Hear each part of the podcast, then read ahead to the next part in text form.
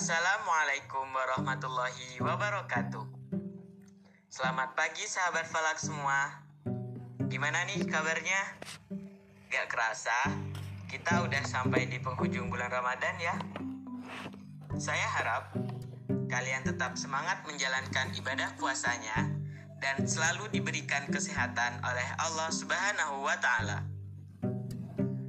Sebelumnya, saya ucapkan terima kasih yang sebanyak-banyaknya kepada sahabat-sahabat semua karena telah bergabung dalam diskusi pagi hari ini. Perkenalkan, nama saya Muhammad Fajri Holilizain. Saya di sini bertindak sebagai moderator untuk memimpin jalannya diskusi hari ini. Puji syukur Alhamdulillah, kita masih diberi kesempatan untuk bertemu kembali dan bertukar pikiran dalam forum diskusi online yang bertemakan Bintang Suraya tanda berakhirnya COVID-19, benarkah? Untuk mengefisiensikan waktu, saya akan membacakan tata tertib dan teknis pelaksanaan diskusi kita pada pagi hari ini. Pertama, Grup akan dikunci selama pemaparan materi dan sesi tanya jawab berlangsung guna menjaga forum tetap kondusif. 2.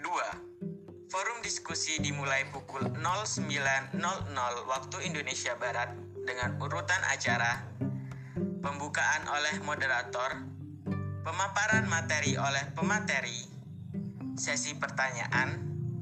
Untuk sesi pertanyaan, Dipersilahkan untuk peserta yang ingin bertanya bisa chat pribadi ke moderator dengan format nama dan asal instansi. Akan diambil tiga penanya tercepat.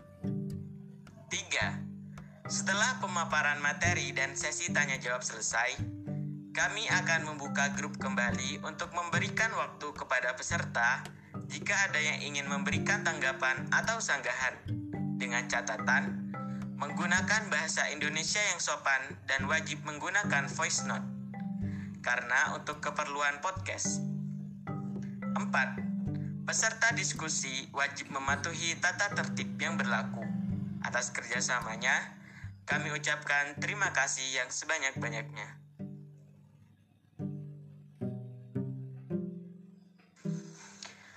Sahabat-sahabat falak sekalian, Materi dalam diskusi kita hari ini akan disampaikan oleh sosok yang sangat istimewa. Saya akan membacakan kurikulum vitae dari beliau. Beliau adalah Bapak Muhammad Ihtirozuni Am, lahir di Tuban tanggal 10 Juli 1993. Alamat Pondok YPMI Al Firdaus, Ngalian, Kota Semarang pekerjaan dosen ilmu falak di Fakultas Syariah dan Hukum UIN Wali Songo, pengurus Lembaga Falakiyah PWNU Jawa Tengah, dan tim ahli Badan Hisab Ru'yah Tuban. Riwayat pendidikan S1 Ilmu Falak UIN Wali Songo, S2 Ilmu Falak UIN Wali Songo. Email ihtirozun underscore at walisongo.ac.id Nomor HP 085 201 241 033 Moto Di antara hamba-hamba pilihan Allah adalah mereka yang mengamati matahari dan bulan untuk mengingat Allah. Baiklah sahabat-sahabat sekalian, untuk mengefisiensikan waktu, Marilah kita buka diskusi pada pagi hari ini dengan bacaan surah Al-Fatihah dengan harapan semoga diskusi kita kali ini berjalan dengan lancar dan apa yang kita dapatkan dapat bermanfaat. Ila hadhihi niyah wa ala kulli niyatin salihah Al-Fatihah.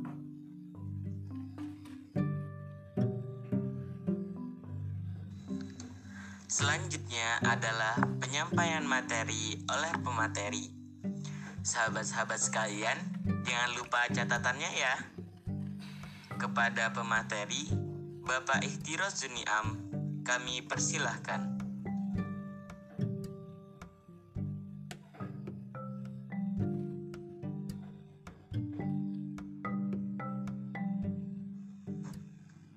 Assalamualaikum warahmatullahi wabarakatuh.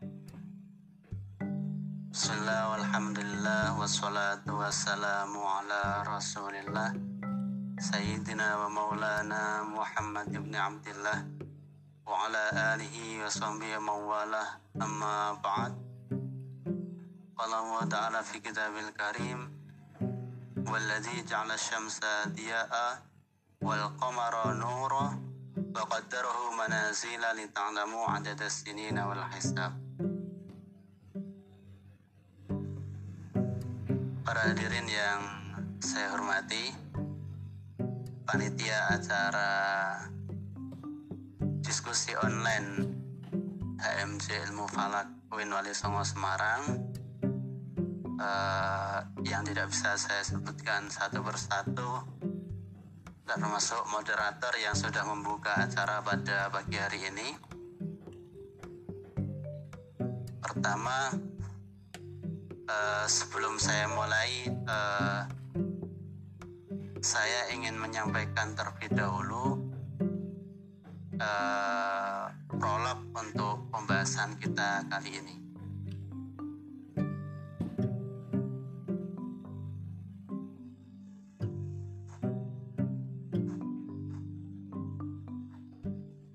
Jadi pada kesempatan kali ini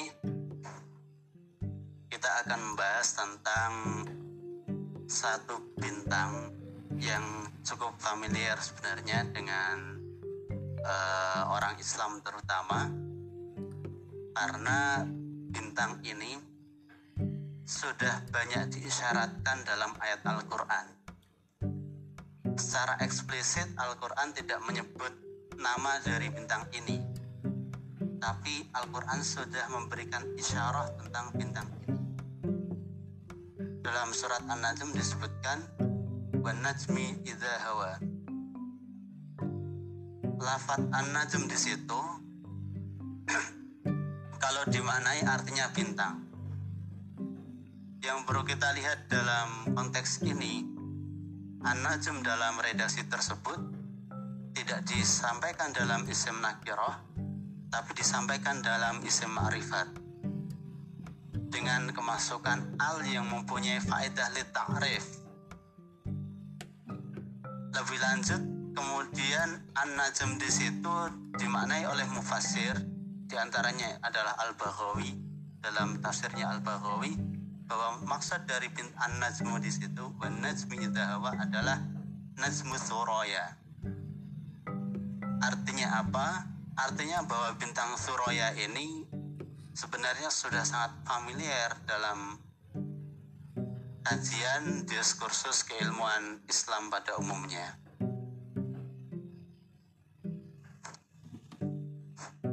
Bintang Suraya ini kemudian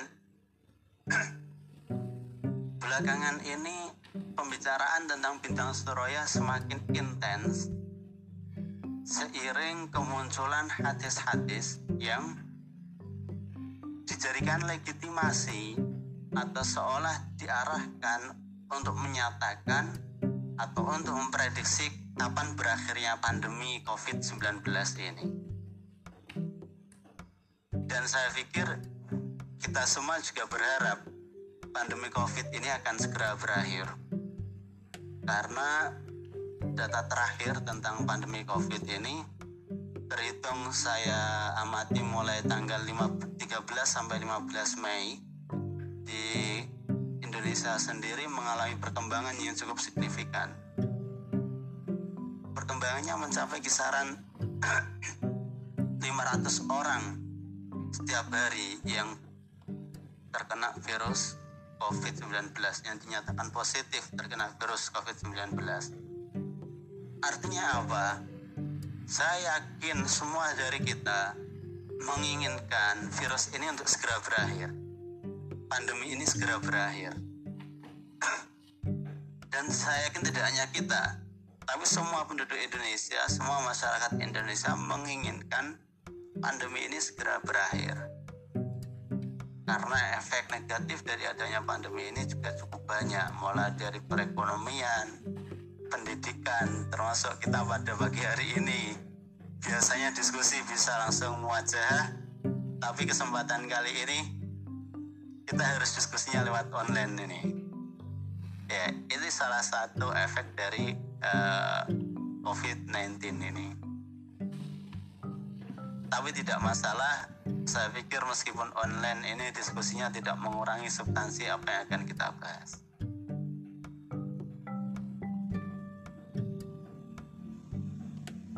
Sebelumnya saya sudah membuatkan uh, PowerPoint, file PowerPoint terkait materi yang akan saya sampaikan uh, dan untuk memudahkan uh, hadirin untuk menyimak ataupun uh, mengkaji lebih dalam tentang tema ini. Saya sebenarnya juga sedang proses membuat video tentang tema ini yang mungkin nanti akan saya upload di YouTube-nya Majelis Ilmu di situ saya banyak mengupload tentang kajian-kajian keilmuan baik falak ataupun yang lain. Ya, uh, kita kembali ke permasalahan tadi. Bintang Suraya tadi, saya katakan belakangan ini semakin familiar ketika disebutkan ada hadis-hadis yang terkait dengan bintang Suraya itu waktu panitia sendiri menghubungi saya yang disampaikan panitia pada saya menginginkan untuk mengkaji bagaimana tentang hadis-hadis ini atau bagaimana tentang fenomena terbitnya bintang suraya ini sebagai penanda akhir pandemi apakah itu benar atau tidak gitu. Maka karena ini berawal dari hadis sebelum saya masuk ke aspek falaknya atau aspek astronominya, saya akan mengkaji lebih lanjut dari perspektif keilmuan hadis, termasuk dari perspektif hazanah ilmu hadis, baik dari matanya, kualitas hadisnya, cara baca hadis itu. Akan kita kupas terlebih dahulu di sini. Pertama, Hadis yang sering disetir tentang pembahasan ini di antaranya adalah hadisnya Abi Hurairah. Disebutkan bahwa Rasulullah pernah mengatakan, "Idza tala'an najmu dha sabahin rufi'atil ahah." Idza tala'an najmu dha sabahin rufi'atil. Ketika an-najmu Nah, an-najmu di sini disampaikan dalam bentuk isim ma'rifat ketambahan al. Al ta'rif ini. Ketika ada an-najmu, ada bintang terbit pada waktu pagi, rufi'atil ahah, maka akan diangkat ahah. Ini nanti akan kita bahas satu persatu uh, maksud dari kata perkata itu akan diangkatlah aha aha itu sementara kita maknai sebagai wabah akan diangkat uh, wabah ini. Kemudian ada hadis lagi juga dari Abi Hurairah diriwayatkan bahwa Rasulullah SAW bersabda, "Qala ma tola an-najmu sabahan qad wa taqumu ahadun illa rufi'at anhum aw khaffat." Ketika bintang an-najmu itu terbit pada waktu pagi dan pada waktu itu kok ada aha ada wabah itu pasti akan diangkat atau setidaknya diringankan. Dan ada hadis lagi yang menyebutkan dengan redaksi idzartafa'an najmu rufi'atil ahadu an kulli baladin. Ketika bintang itu naik an-najmu. An-Najm ini yang kemudian nanti akan diartikan sebagai bintang Thuraya. Ketika An-Najm ini naik atau terbit, Rufi'atil ahadu angkuli baladin, maka aha atau e, wabah ini akan diangkat dari setiap negara. Ada banyak lagi kemudian hadis yang disampaikan baik lewat broadcast atau lewat grup WA dan seterusnya yang kurang lebih redaksinya sama seperti apa yang saya sampaikan tadi Hadis tadi saya ambil dari kitab Jamul Fawaid min Jamil Usul wa Majma'iz Zawaid karya Muhammad bin Sulaiman Al-Maghribi. Ini yang pertama. Kemudian berikutnya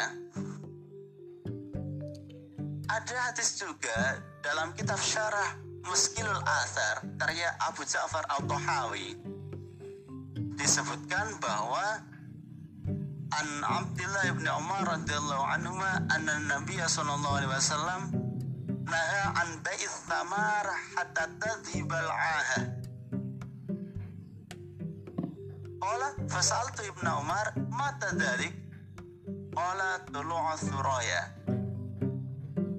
Ada hadis yang diberikan oleh Abdullah bin Umar radhiyallahu anhu bahwa Nabi Muhammad itu mencegah transaksi atau jual beli buah-buahan naha an thimar hatta tadzabal aha sampai wabah itu hilang atau wabah itu berakhir.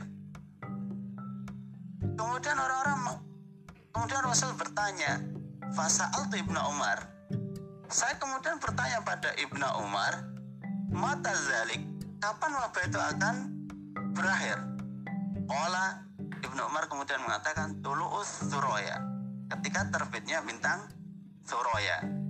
Sekali lagi saya katakan untuk sementara al-ahah ini kita artikan sebagai wabah ya. Nanti akan kita kasih lebih lanjut. Ini dari kitab Syarah Muskilul Asar.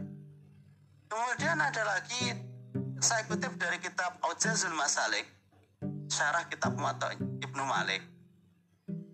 Ini Imam Syafi'i bisa hebat di antaranya ya barokahnya kitab Muwatta ini ya. Karena ketika Imam Syafi'i masih kecil, setelah hafal Quran, kitab yang beliau hafalkan ya kitab Muwatta'nya Imam Malik, meskipun beliau belum pernah ketemu Imam Imam Malik. Nah, kitab Muwatta ini kemudian disarai oleh Muhammad Zakaria Al-Madani. Muhammad Zakaria Al-Kandahlawi Al-Madani. Dinisbatkan dengan daerah Kandahlawan atau Al-Madinah. Dalam kitab Aujazul Masalik ini ada banyak hadis tentang ini di antaranya disebutkan bahwa anna Rasulullah sallallahu alaihi wasallam naha an bai'is thimar hatta tanjua minal aha.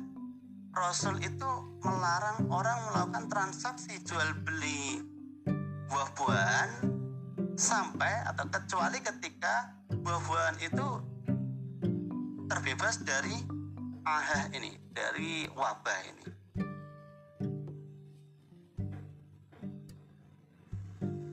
Nah, ini yang menarik di sini. Dari beberapa redaksi hadis tadi, hadis-hadis yang saya sebutkan terakhir itu kalau kita analisis lebih lanjut, semisal hadis di kitab Aujazul Masalik tadi, pembahasan tentang tema ini, pembahasan tentang al-ahah ini, itu tidak pada pembahasan tentang uh, pandemi atau pembahasan tentang uh, penyakit secara spesifik. Tapi pembahasan tentang al-ah ini masuk dalam pembahasan kitabul buyuk. Masuk dalam pembahasan kitabul buyuk.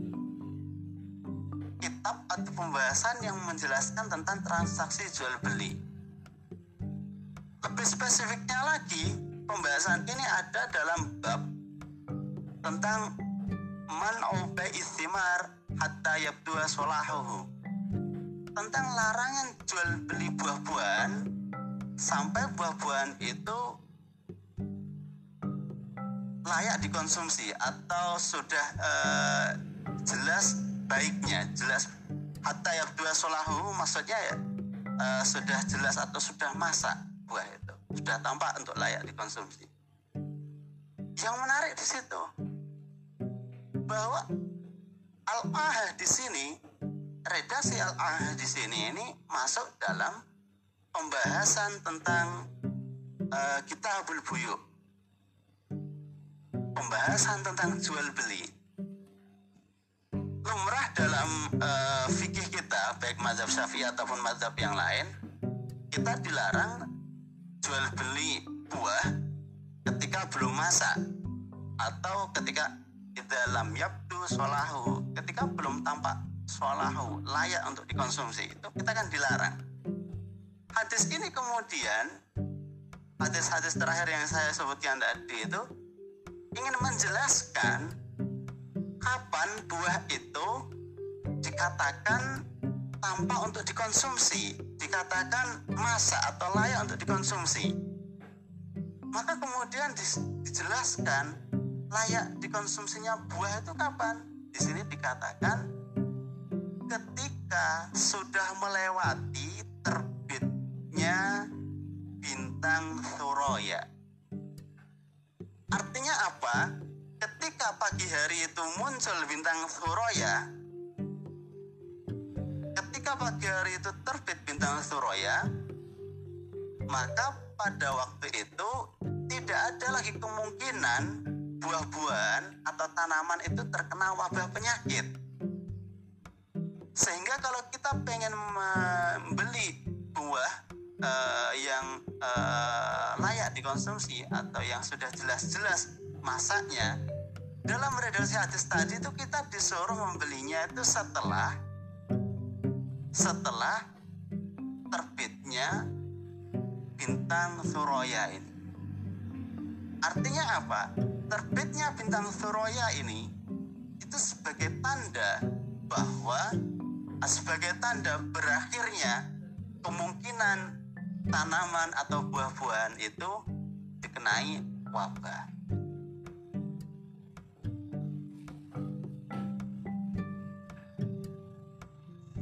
Baik, kita lanjutkan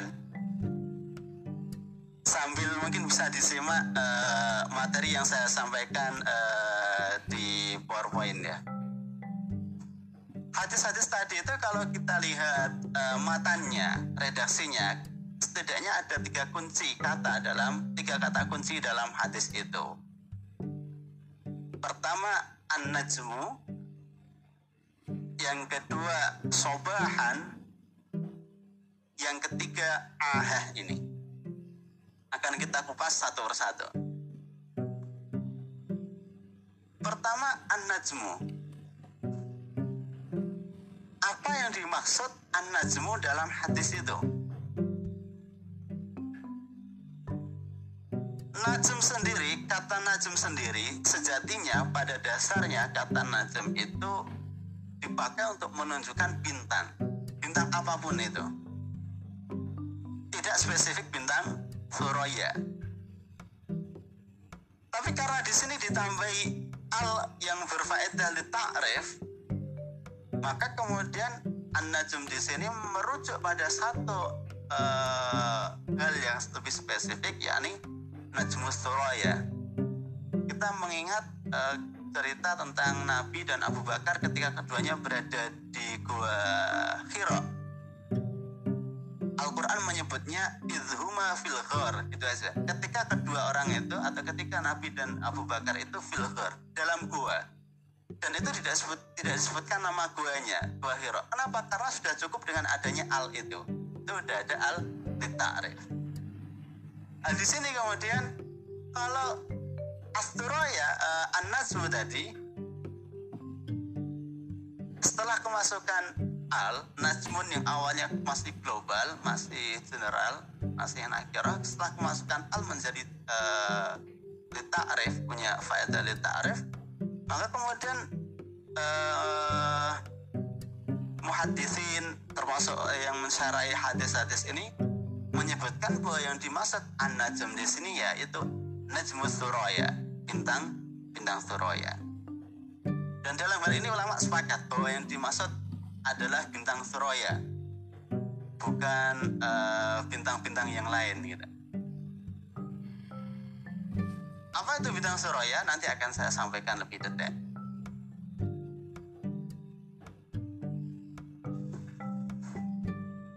Kemudian yang kedua, sobahan. Idza tala'an najmu sobahan irtafa'al ahah atau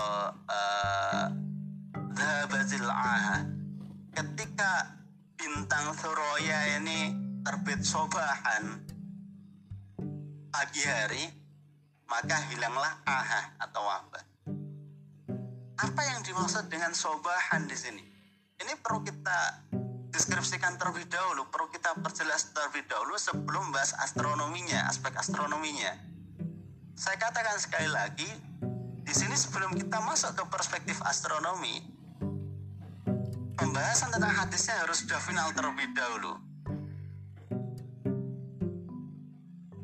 Supaya nanti dalam perhitungannya atau prediksi terbitnya uh, bintang Soroya ini sesuai dengan apa yang dikehendaki oleh hadis. Yang dimaksud sobahan itu di sini apa? Yang dimaksud pagi hari itu di sini apa? Apakah yang dimaksud pagi hari ini terhitung ketika mulai jam 00 WIB, mulai jam 00 GMT, ataukah mulai terbitnya matahari itu baru dikatakan pagi atau apa gitu? Ini bisa dilihat uh, di kamus atau mu'jam uh, Mu'jamul Arab lal Arab seperti Kamus Lisanul Arab untuk mendeskripsikan tentang satu terminologi dalam bahasa Arab dijelaskan dengan uh, deskripsi di bahasa Arab dan seterusnya atau di kitab-kitab uh, syarah hadis yang lain. Di sini saya mengambil uh, satu pendapat dari Muhammad Zakaria Al-Madani ini di kitab Al-Jazul Masalik, syarahnya Muwatta bin Malik disebutkan bahwa maksud dari sobahan dalam konteks hadis ini itu bukan ketika terbitnya matahari bukan. Wa arada tulu'aha inda subhi. Jadi yang dimaksud bukan ketika terbitnya matahari tapi ketika terbitnya fajar sotik atau ketika masuk waktu subuh. Inda tulu'il fajri ketika terbitnya fajar. Atau yang dimaksud yakni subuh jadi kalau kita mau mengamati bidang Soroya ini, yang dimaksud dalam konteks hadis ini bukan ketika sembarang waktu, bukan malam hari, bukan pertengahan malam, mulai dari jam 00, bukan. Atau bahkan ketika matahari terbit, bukan. Tapi yang dimaksud adalah indah tulu'il fajar. Jadi yang dimaksud sobah di sini, indah tulu'il fajar. Ini pun ulama juga sepakat tentang hal ini. Baru kemudian kita masuk ke kata kunci yang ketiga tadi yakni maksud dari al-ahah. Apa yang dimaksud dengan al-ahah ini?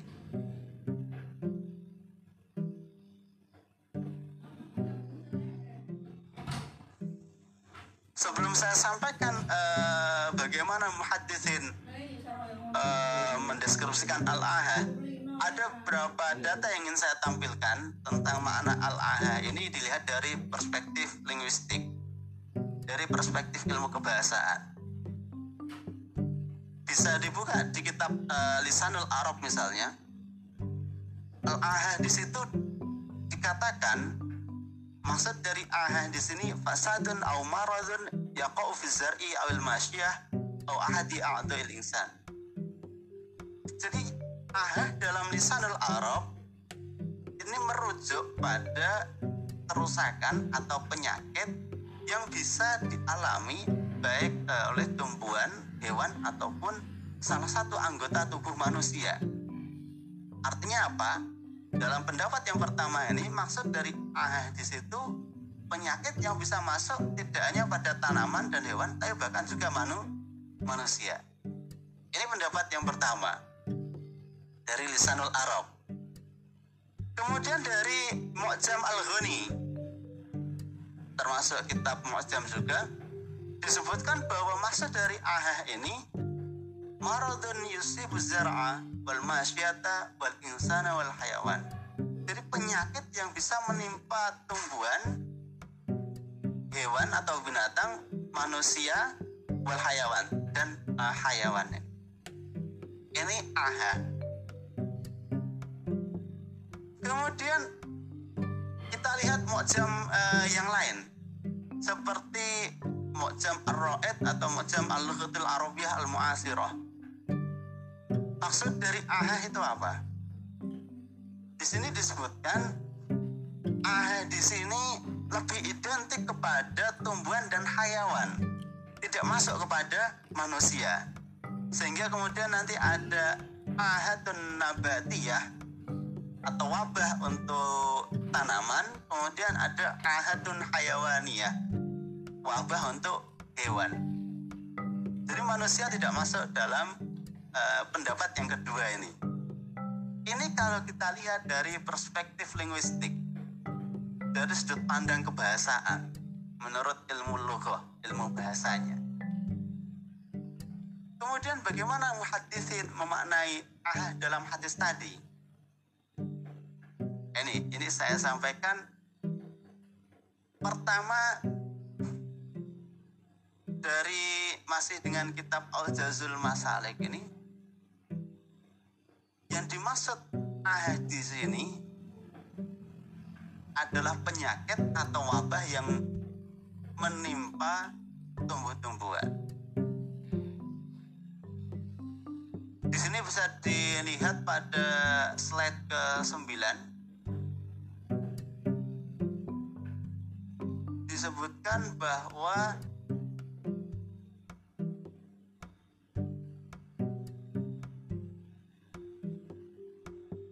dalam satu riwayat Abu Hanifah mengatakan satu riwayat dari Atta wa fi riwayat Abi Hanifah an Atta rufi'atil ahadu al-istimar diangkatnya ahah ini maksudnya ahah penyakit dari buah-buahan. Bukan dari hewan ataupun manusia. Ini pendapat yang pertama. Pendapat ini kemudian dikuatkan lagi uh, dengan pandangan Abu Ja'far. Qala Abu Ja'far fa'aqalna bidzalika annahu thuraya wa aqalna bi aidan anna al-maqsuda bi raf'il ahata anhu huwa thimar nahli ini ada di kitab uh, Syarh al-Athar uh, Syarhu Muskilil Asar uh, kitab yang menjelaskan tentang uh, asar atau hadis yang muskil. Abu Ja'far di sini mengatakan menurut kita menurut Abu Ja'far ini yang dimaksud an-najm tadi itu betul suraya. Kemudian yang dimaksud dengan ruf'il aha mengangkat aha atau wabah di sini itu mengangkatnya bukan dari manusia tapi huwa istimar nahli dari tumbuhan kurma dari pohon kurma itu pendapat Abu Ja'far. Kemudian pendapat ini juga dikuatkan dari satu hadis uh, ketika Rasul melarang melakukan jual beli buah-buahan disebutkan Nabi anna Nabiya sallallahu alaihi wasallam naha an bai'ith thimar hatta tadhhabal aha. Nabi ini mel pernah melarang jual beli buah-buahan kecuali atau sampai ketika wabah itu hilang. Sampai ketika wabah itu hilang. Jadi kaitannya hilangnya wabah dalam konteks ini, kaitannya hatta tadhabal aha, kaitannya aha dalam konteks ini adalah jual beli buah buah-buahan. Kemudian Rasul bertanya pada Ibnu Umar, kapan itu terjadi? Kapan hilangnya wabah itu? Mata dalik olah tolong suroya, yakni ketika terbitnya bintang suroya. Jadi dalam konteks ini pendapat yang kuat tentang maksud dari ahah di sini itu adalah wabah yang di yang bisa menimpa uh, buah-buahan atau tanaman, bukan manusia. Ada nggak yang kemudian berpendapat bahwa maksud aha ini menimpa manusia? Tentu ada. Tentu ada. Dalam uh, slide ke-10 saya katakan Abu Muhammad bin Kutek tentang hadis ini mengatakan yuqalu ma tal'at as-suraya wala na'ti illa bi ahadin fin nasi wal ibli wa hurubuha a'wahu bin tulu'iha bintang Suraya itu terbit. Dia tidak terbit kecuali uh, wala na'ti illa bi ahadin fin nasi wal ibli jadi sebelum bintang Suraya itu ada kemungkinan muncul ah ini. Wabah finnasi wal ibl. Dikatakan finnasi wal ibl. Untuk manusia dan ibl. Ibl di sini ya onta wa huruf ketika terbenamnya Suraya ini muncul wabah yang lebih besar daripada wabah ketika sebelum terbitnya Suraya ini. Jadi Ibnu Qutaibah juga uh, menyatakan pendapat yang lain tentang ini. Dia mengatakan bahwa fil hadis kolon salis. Dalam hadis ini ada tiga pendapat. Tapi kemudian Ibnu Qutaibah memberikan satu analisisnya. Ini di slide ke-10 saya katakan bin najmi anal murada bin najmi asturaya wa bil aha al afat allati talhiqu zuru wastimar fi fasli syita wa sadri fasli rabi jadi yang pertama yang dimaksud an-najm benar suraya tapi yang kemudian yang dimaksud al-ahad di sini al-afat allati talhiqu zuru wastimar afat atau penyakit yang uh, menjumpai tanaman atau buah-buahan vivas lisyita ketika musim musim dingin wasodri fasli robi dan awal musim uh, gugur dan awal musim gugur Fahasal al-amnu alaiha inda tulis suraya fil madbur. Kapan kemudian uh, tumbuhan itu bisa aman dari uh, wabah tadi? yakni indatul istiroya fil waktil madkur ketika terbitnya bintang suroya di waktu yang telah ditentukan tadi. Dari sini jelas bahwa analisis Ibnu Qutaibah juga mengatakan yang dimaksud uh, al-ahad di situ pendapat yang lebih kuat yakni maksud dari al-ahad di situ ya wabah untuk tumbuh tumbuhan. Meskipun ada pendapat lain wabah untuk manusia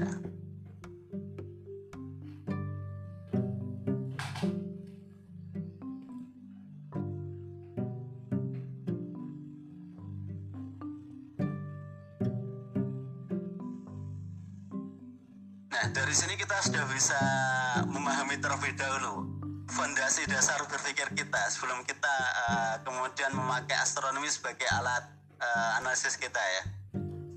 Bahwa redaksi hadis yang banyak bermunculan itu kalau kita pakai uh, manhajul maudhu'i metode tematik untuk memahami, memahami hadis ini sebenarnya tema-tema dalam hadis uh, yang terkait itu lebih menjurus ke maksud dari AHA itu bukan wabah untuk manusia tapi wabah untuk untuk tumbuhan gitu.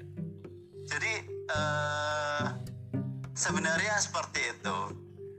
Hanya saja kemudian sekarang masalahnya itu sering dikaitkan dengan masalah masalah pandemi COVID ini yang menimpa manusia itu.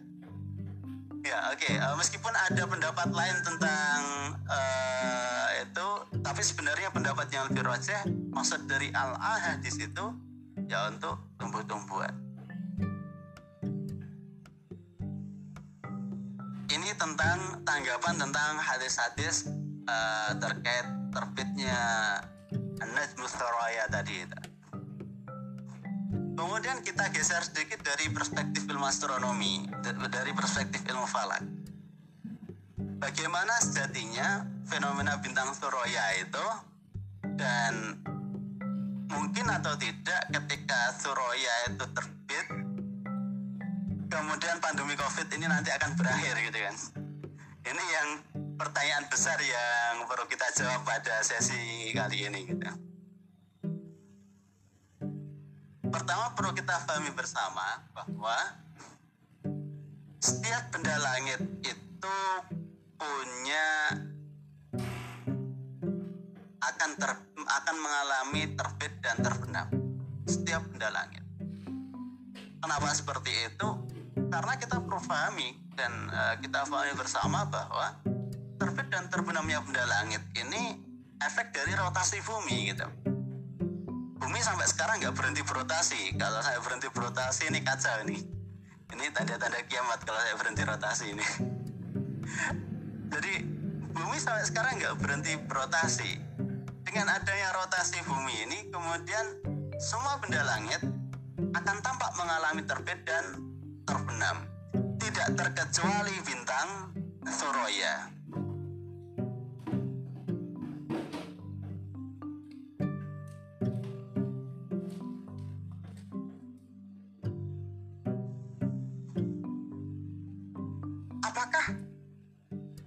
semisal bintang Suraya sudah terbit.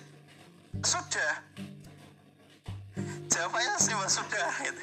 setiap hari bintang suraya bisa terbit bisa terbenam. Setiap hari bintang suraya bisa terbit bisa terbenam. Sebagaimana bulan setiap hari bisa terbit bisa terbenam? Cuma pertanyaannya kapan terbit dan terbenamnya itu terjadi? Kan seperti itu. Kita lihat lagi hadisnya. Idza tala'an najmu sobahan yang dimaksud dalam hadis itu ketika bintang Suraya ini terbit pada pagi hari. Pagi hari itu ya ketika terbitnya Fajar Sodik kan seperti itu. Ketika mengiringi terbitnya Fajar Sodik tapi setiap hari apakah terbit dan terbenam dia terbit ya terbenam hanya saja. Terbit dan terbenamnya belum tentu bareng dengan terbitnya Fajar Sodik bintang Suraya sendiri itu apa sebenarnya? Ini pertanyaan mendasar ini. Kita dari tadi bicara tentang bintang Suraya, bintang Suraya sendiri itu apa sebenarnya? Bintang Suraya itu kalau dalam perspektif astronomi modern itu dinamakan dengan uh, Pleiades, bintang Pleiades. Pleiades ya, bintang Pleiades. Biasanya ditandai dengan kalau kodenya itu biasanya pakai kode M45 bintang Pleiades ini. Dalam mitologi Jawa orang Jawa pun juga sudah lama mengenal bintang Suraya ini. Orang Jawa mengenalnya dengan nama bintang Kartika. Lintang Kartika. Kalau kalian pernah belajar bahasa Jawa yang halus itu Kartika itu sebenarnya ya nama lain dari bintang gitu. Jadi di sini orang Jawa unik. Mama bintang Suraya ini kemudian disebut dengan lintang Kartika. Lintang itu artinya ya bintang, Kartika ya artinya ya bintang. Berarti bintang bintang gitu. Tapi uh, saya pikir ini wajar karena mungkin dalam budaya Jawa sedikit banyak juga uh, dipengaruhi oleh budaya Arab. Semisal di Arab, di Arab sendiri ketika membahas bintang Suraya dalam beberapa redaksi bahkan tadi saya katakan dalam uh, surat An-Najm itu Allah juga menyebutnya wanajmi idhawa gitu kan. Tidak disebutkan wanajmi suraya bukan tapi wanajmi gitu. Demi bintang. Jadi mungkin dari sini ya lumrah kemudian orang Jawa pun menamai bintang suraya itu lintang kartika bintang bintang gitu kan. Artinya apa? Bahwa bintang suraya ini punya peranan penting sebenarnya posisinya sebagai uh, sebuah bintang.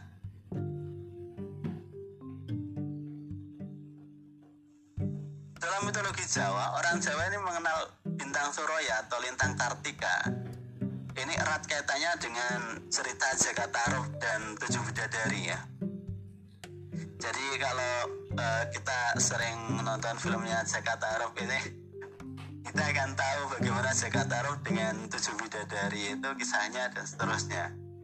Di mitologi Jawa, ini namanya mitologi tentu tidak sains ya. Mitologi itu kan karena orang dengan keterbatasan ilmunya kemudian menyimpulkan sesuatu yang sebenarnya cukup rumit tapi kemudian disimpulkan gitu kan. Mitologi orang Jawa mengatakan Suraya itu awalnya ada tujuh bidadari pakai selendang datang ke bumi pada mandi di sungai. Jakarta Arab tahu ada satu selendang ada selendang-selendang itu. Dia ngambil satu itu karena satu selendang diambil oleh Jakarta. Arab yang enam bidadari itu bisa balik ke kahyangan bisa balik ke langit tapi yang satu nggak bisa. Akhirnya yang satu diperistri oleh Jakarta. Arab singkatnya seperti itu menurut uh, uh, apa? Satu bidadari ini dia mensyaratkan pada Jakarta Arab pokoknya kalau saya masak nggak usah melihat proses bagaimana saya masak gitu. Ada satu rahasia yang disembunyikan di situ.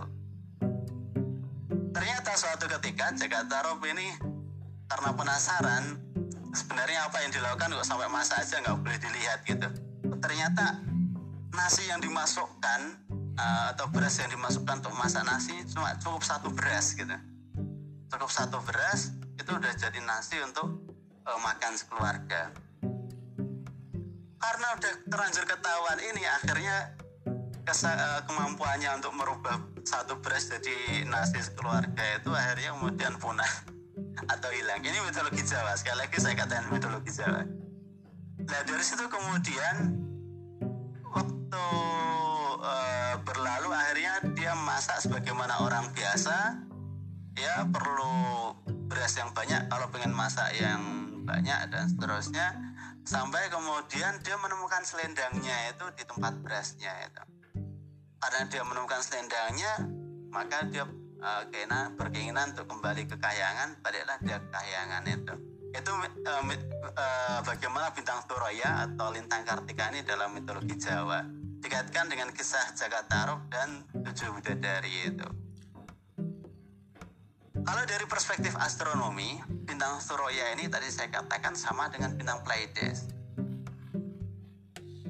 Jadi bintang Suroya ini gugusan bintang. Jadi bukan bintang tunggal ya. Beberapa waktu yang lalu ada foto yang sempat beredar di medsos.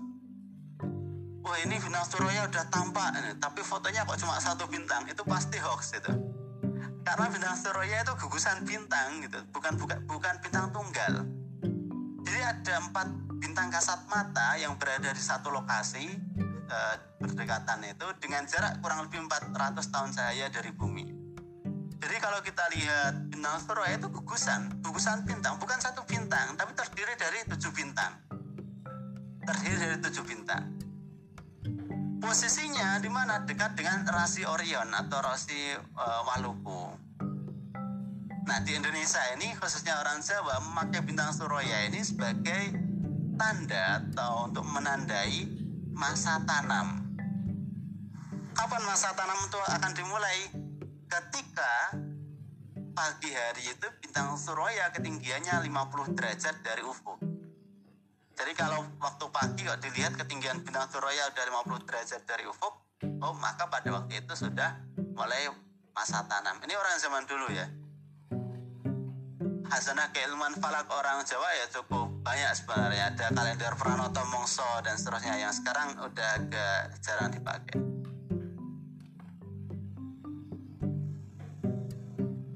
Kemudian kalau di Arab, orang Arab nih memakai bintang Suroya itu sebagai pertanda akhir wabah tanaman atau buah-buahan. Jadi kalau sudah muncul bintang Suroya, ya udahlah buah-buahan atau tanamannya pasti udah aman itu nggak ada lagi wabah gitu. Kurang lebih seperti itu. Aglabnya seperti itu, aglabnya. Umumnya seperti itu. Ini di Arab orang sering makainya seperti itu. Dan penjelasan ini uh, dijelaskan secara eksplisit di antaranya di hadis yang tadi saya sebutkan.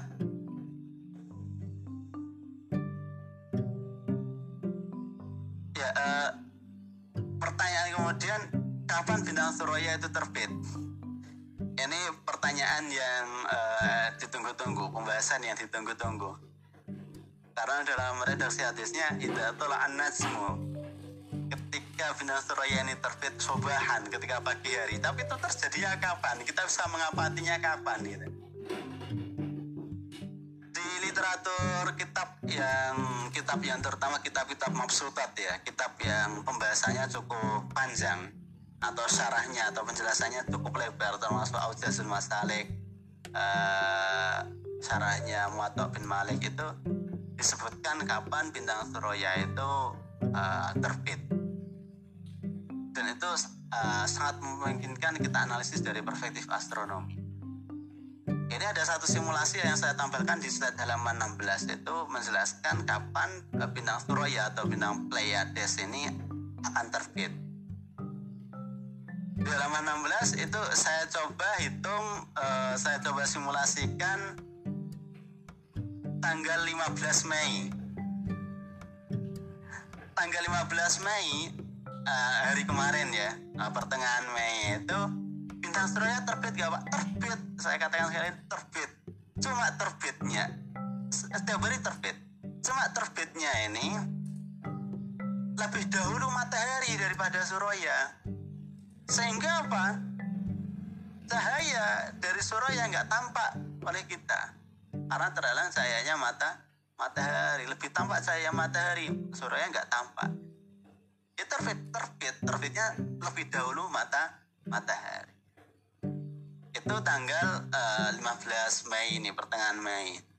Kemudian kita geser ketika tanggal 19 Mei ini. Ini saya contohkan di slide halaman uh, slide setelahnya itu.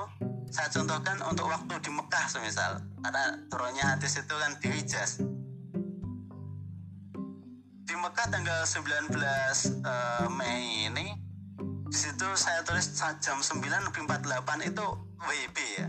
Jadi kalau kita konversi ke Mekah ya kita uh, kita konversi ke UTC GMT kita kurangi 7 berarti jam 2 lebih 48 kita konversi ke Mekah ditambah 3 berarti jam 5 uh, eh, jam 5 48 ya.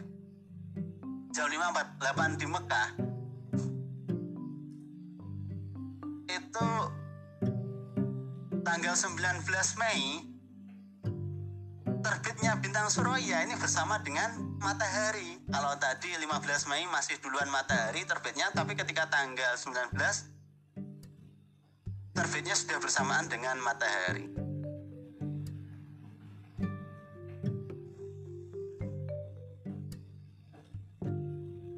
Kemudian tanggal 21 Mei 21 Mei juga masih beriringan dengan matahari. Ini saya coba perlihatkan di Jakarta, kondisi di Jakarta tanggal 21 Mei. Nanti kita mau mati di Jakarta atau di Indonesia. Masih beriringan sehingga bintang Surya belum tampak. Matahari terbit, bintang Surya juga ikut terbit sehingga kita belum bisa mengamati bintang Surya karena cahaya dari matahari terlalu kuat. Kemudian geser ini tanggal 27 Mei. Nah ini hati-hati. Ini saya khawatirnya tanggal 27 Mei nanti akan banyak hoax lagi yang beredar nih. Kenapa? Karena kalau kita lihat uh, ufuk sebelah timur sebelum matahari terbit itu, di situ ada bintang namanya bintang Aritids. Bintang Aritids ini bukan bintang Pleiades, bukan bintang Surya ini kalau bintang Arites ini bintang tunggal. Padahal bintang Surya itu tadi kita katakan gugusan bintang. Ada tujuh bintang. Sebenarnya ada banyak bintangnya, cuma yang tampak kasat mata kita yang sering tampak itu ada tujuh. Nah, tanggal 27 Mei ini ini saya contohkan jam 5 lebih 38 itu ketinggian bintang uh, Arites ini cukup tinggi ketinggiannya sudah mencapai 14 derajat gitu Nah, jadi kalau kita mengamati bintang suraya ini, kita perlu hati-hati supaya tidak terkecoh ini.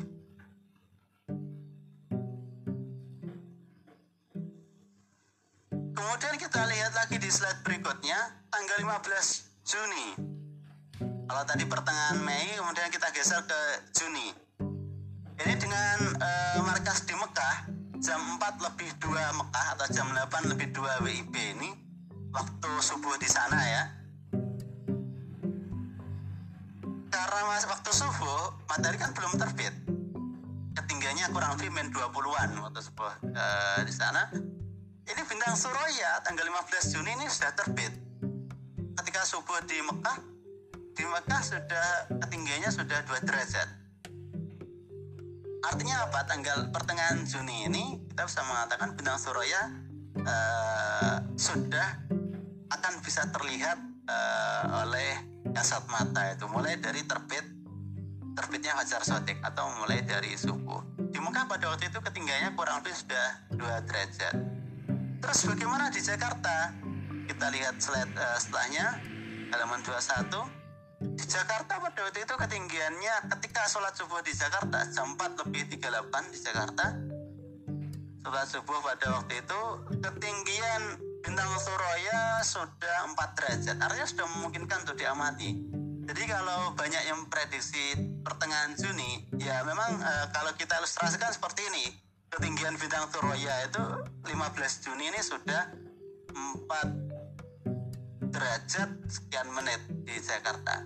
Saat sholat subuh atau saat terbitnya fajar sodik sebelum matahari uh, terbit.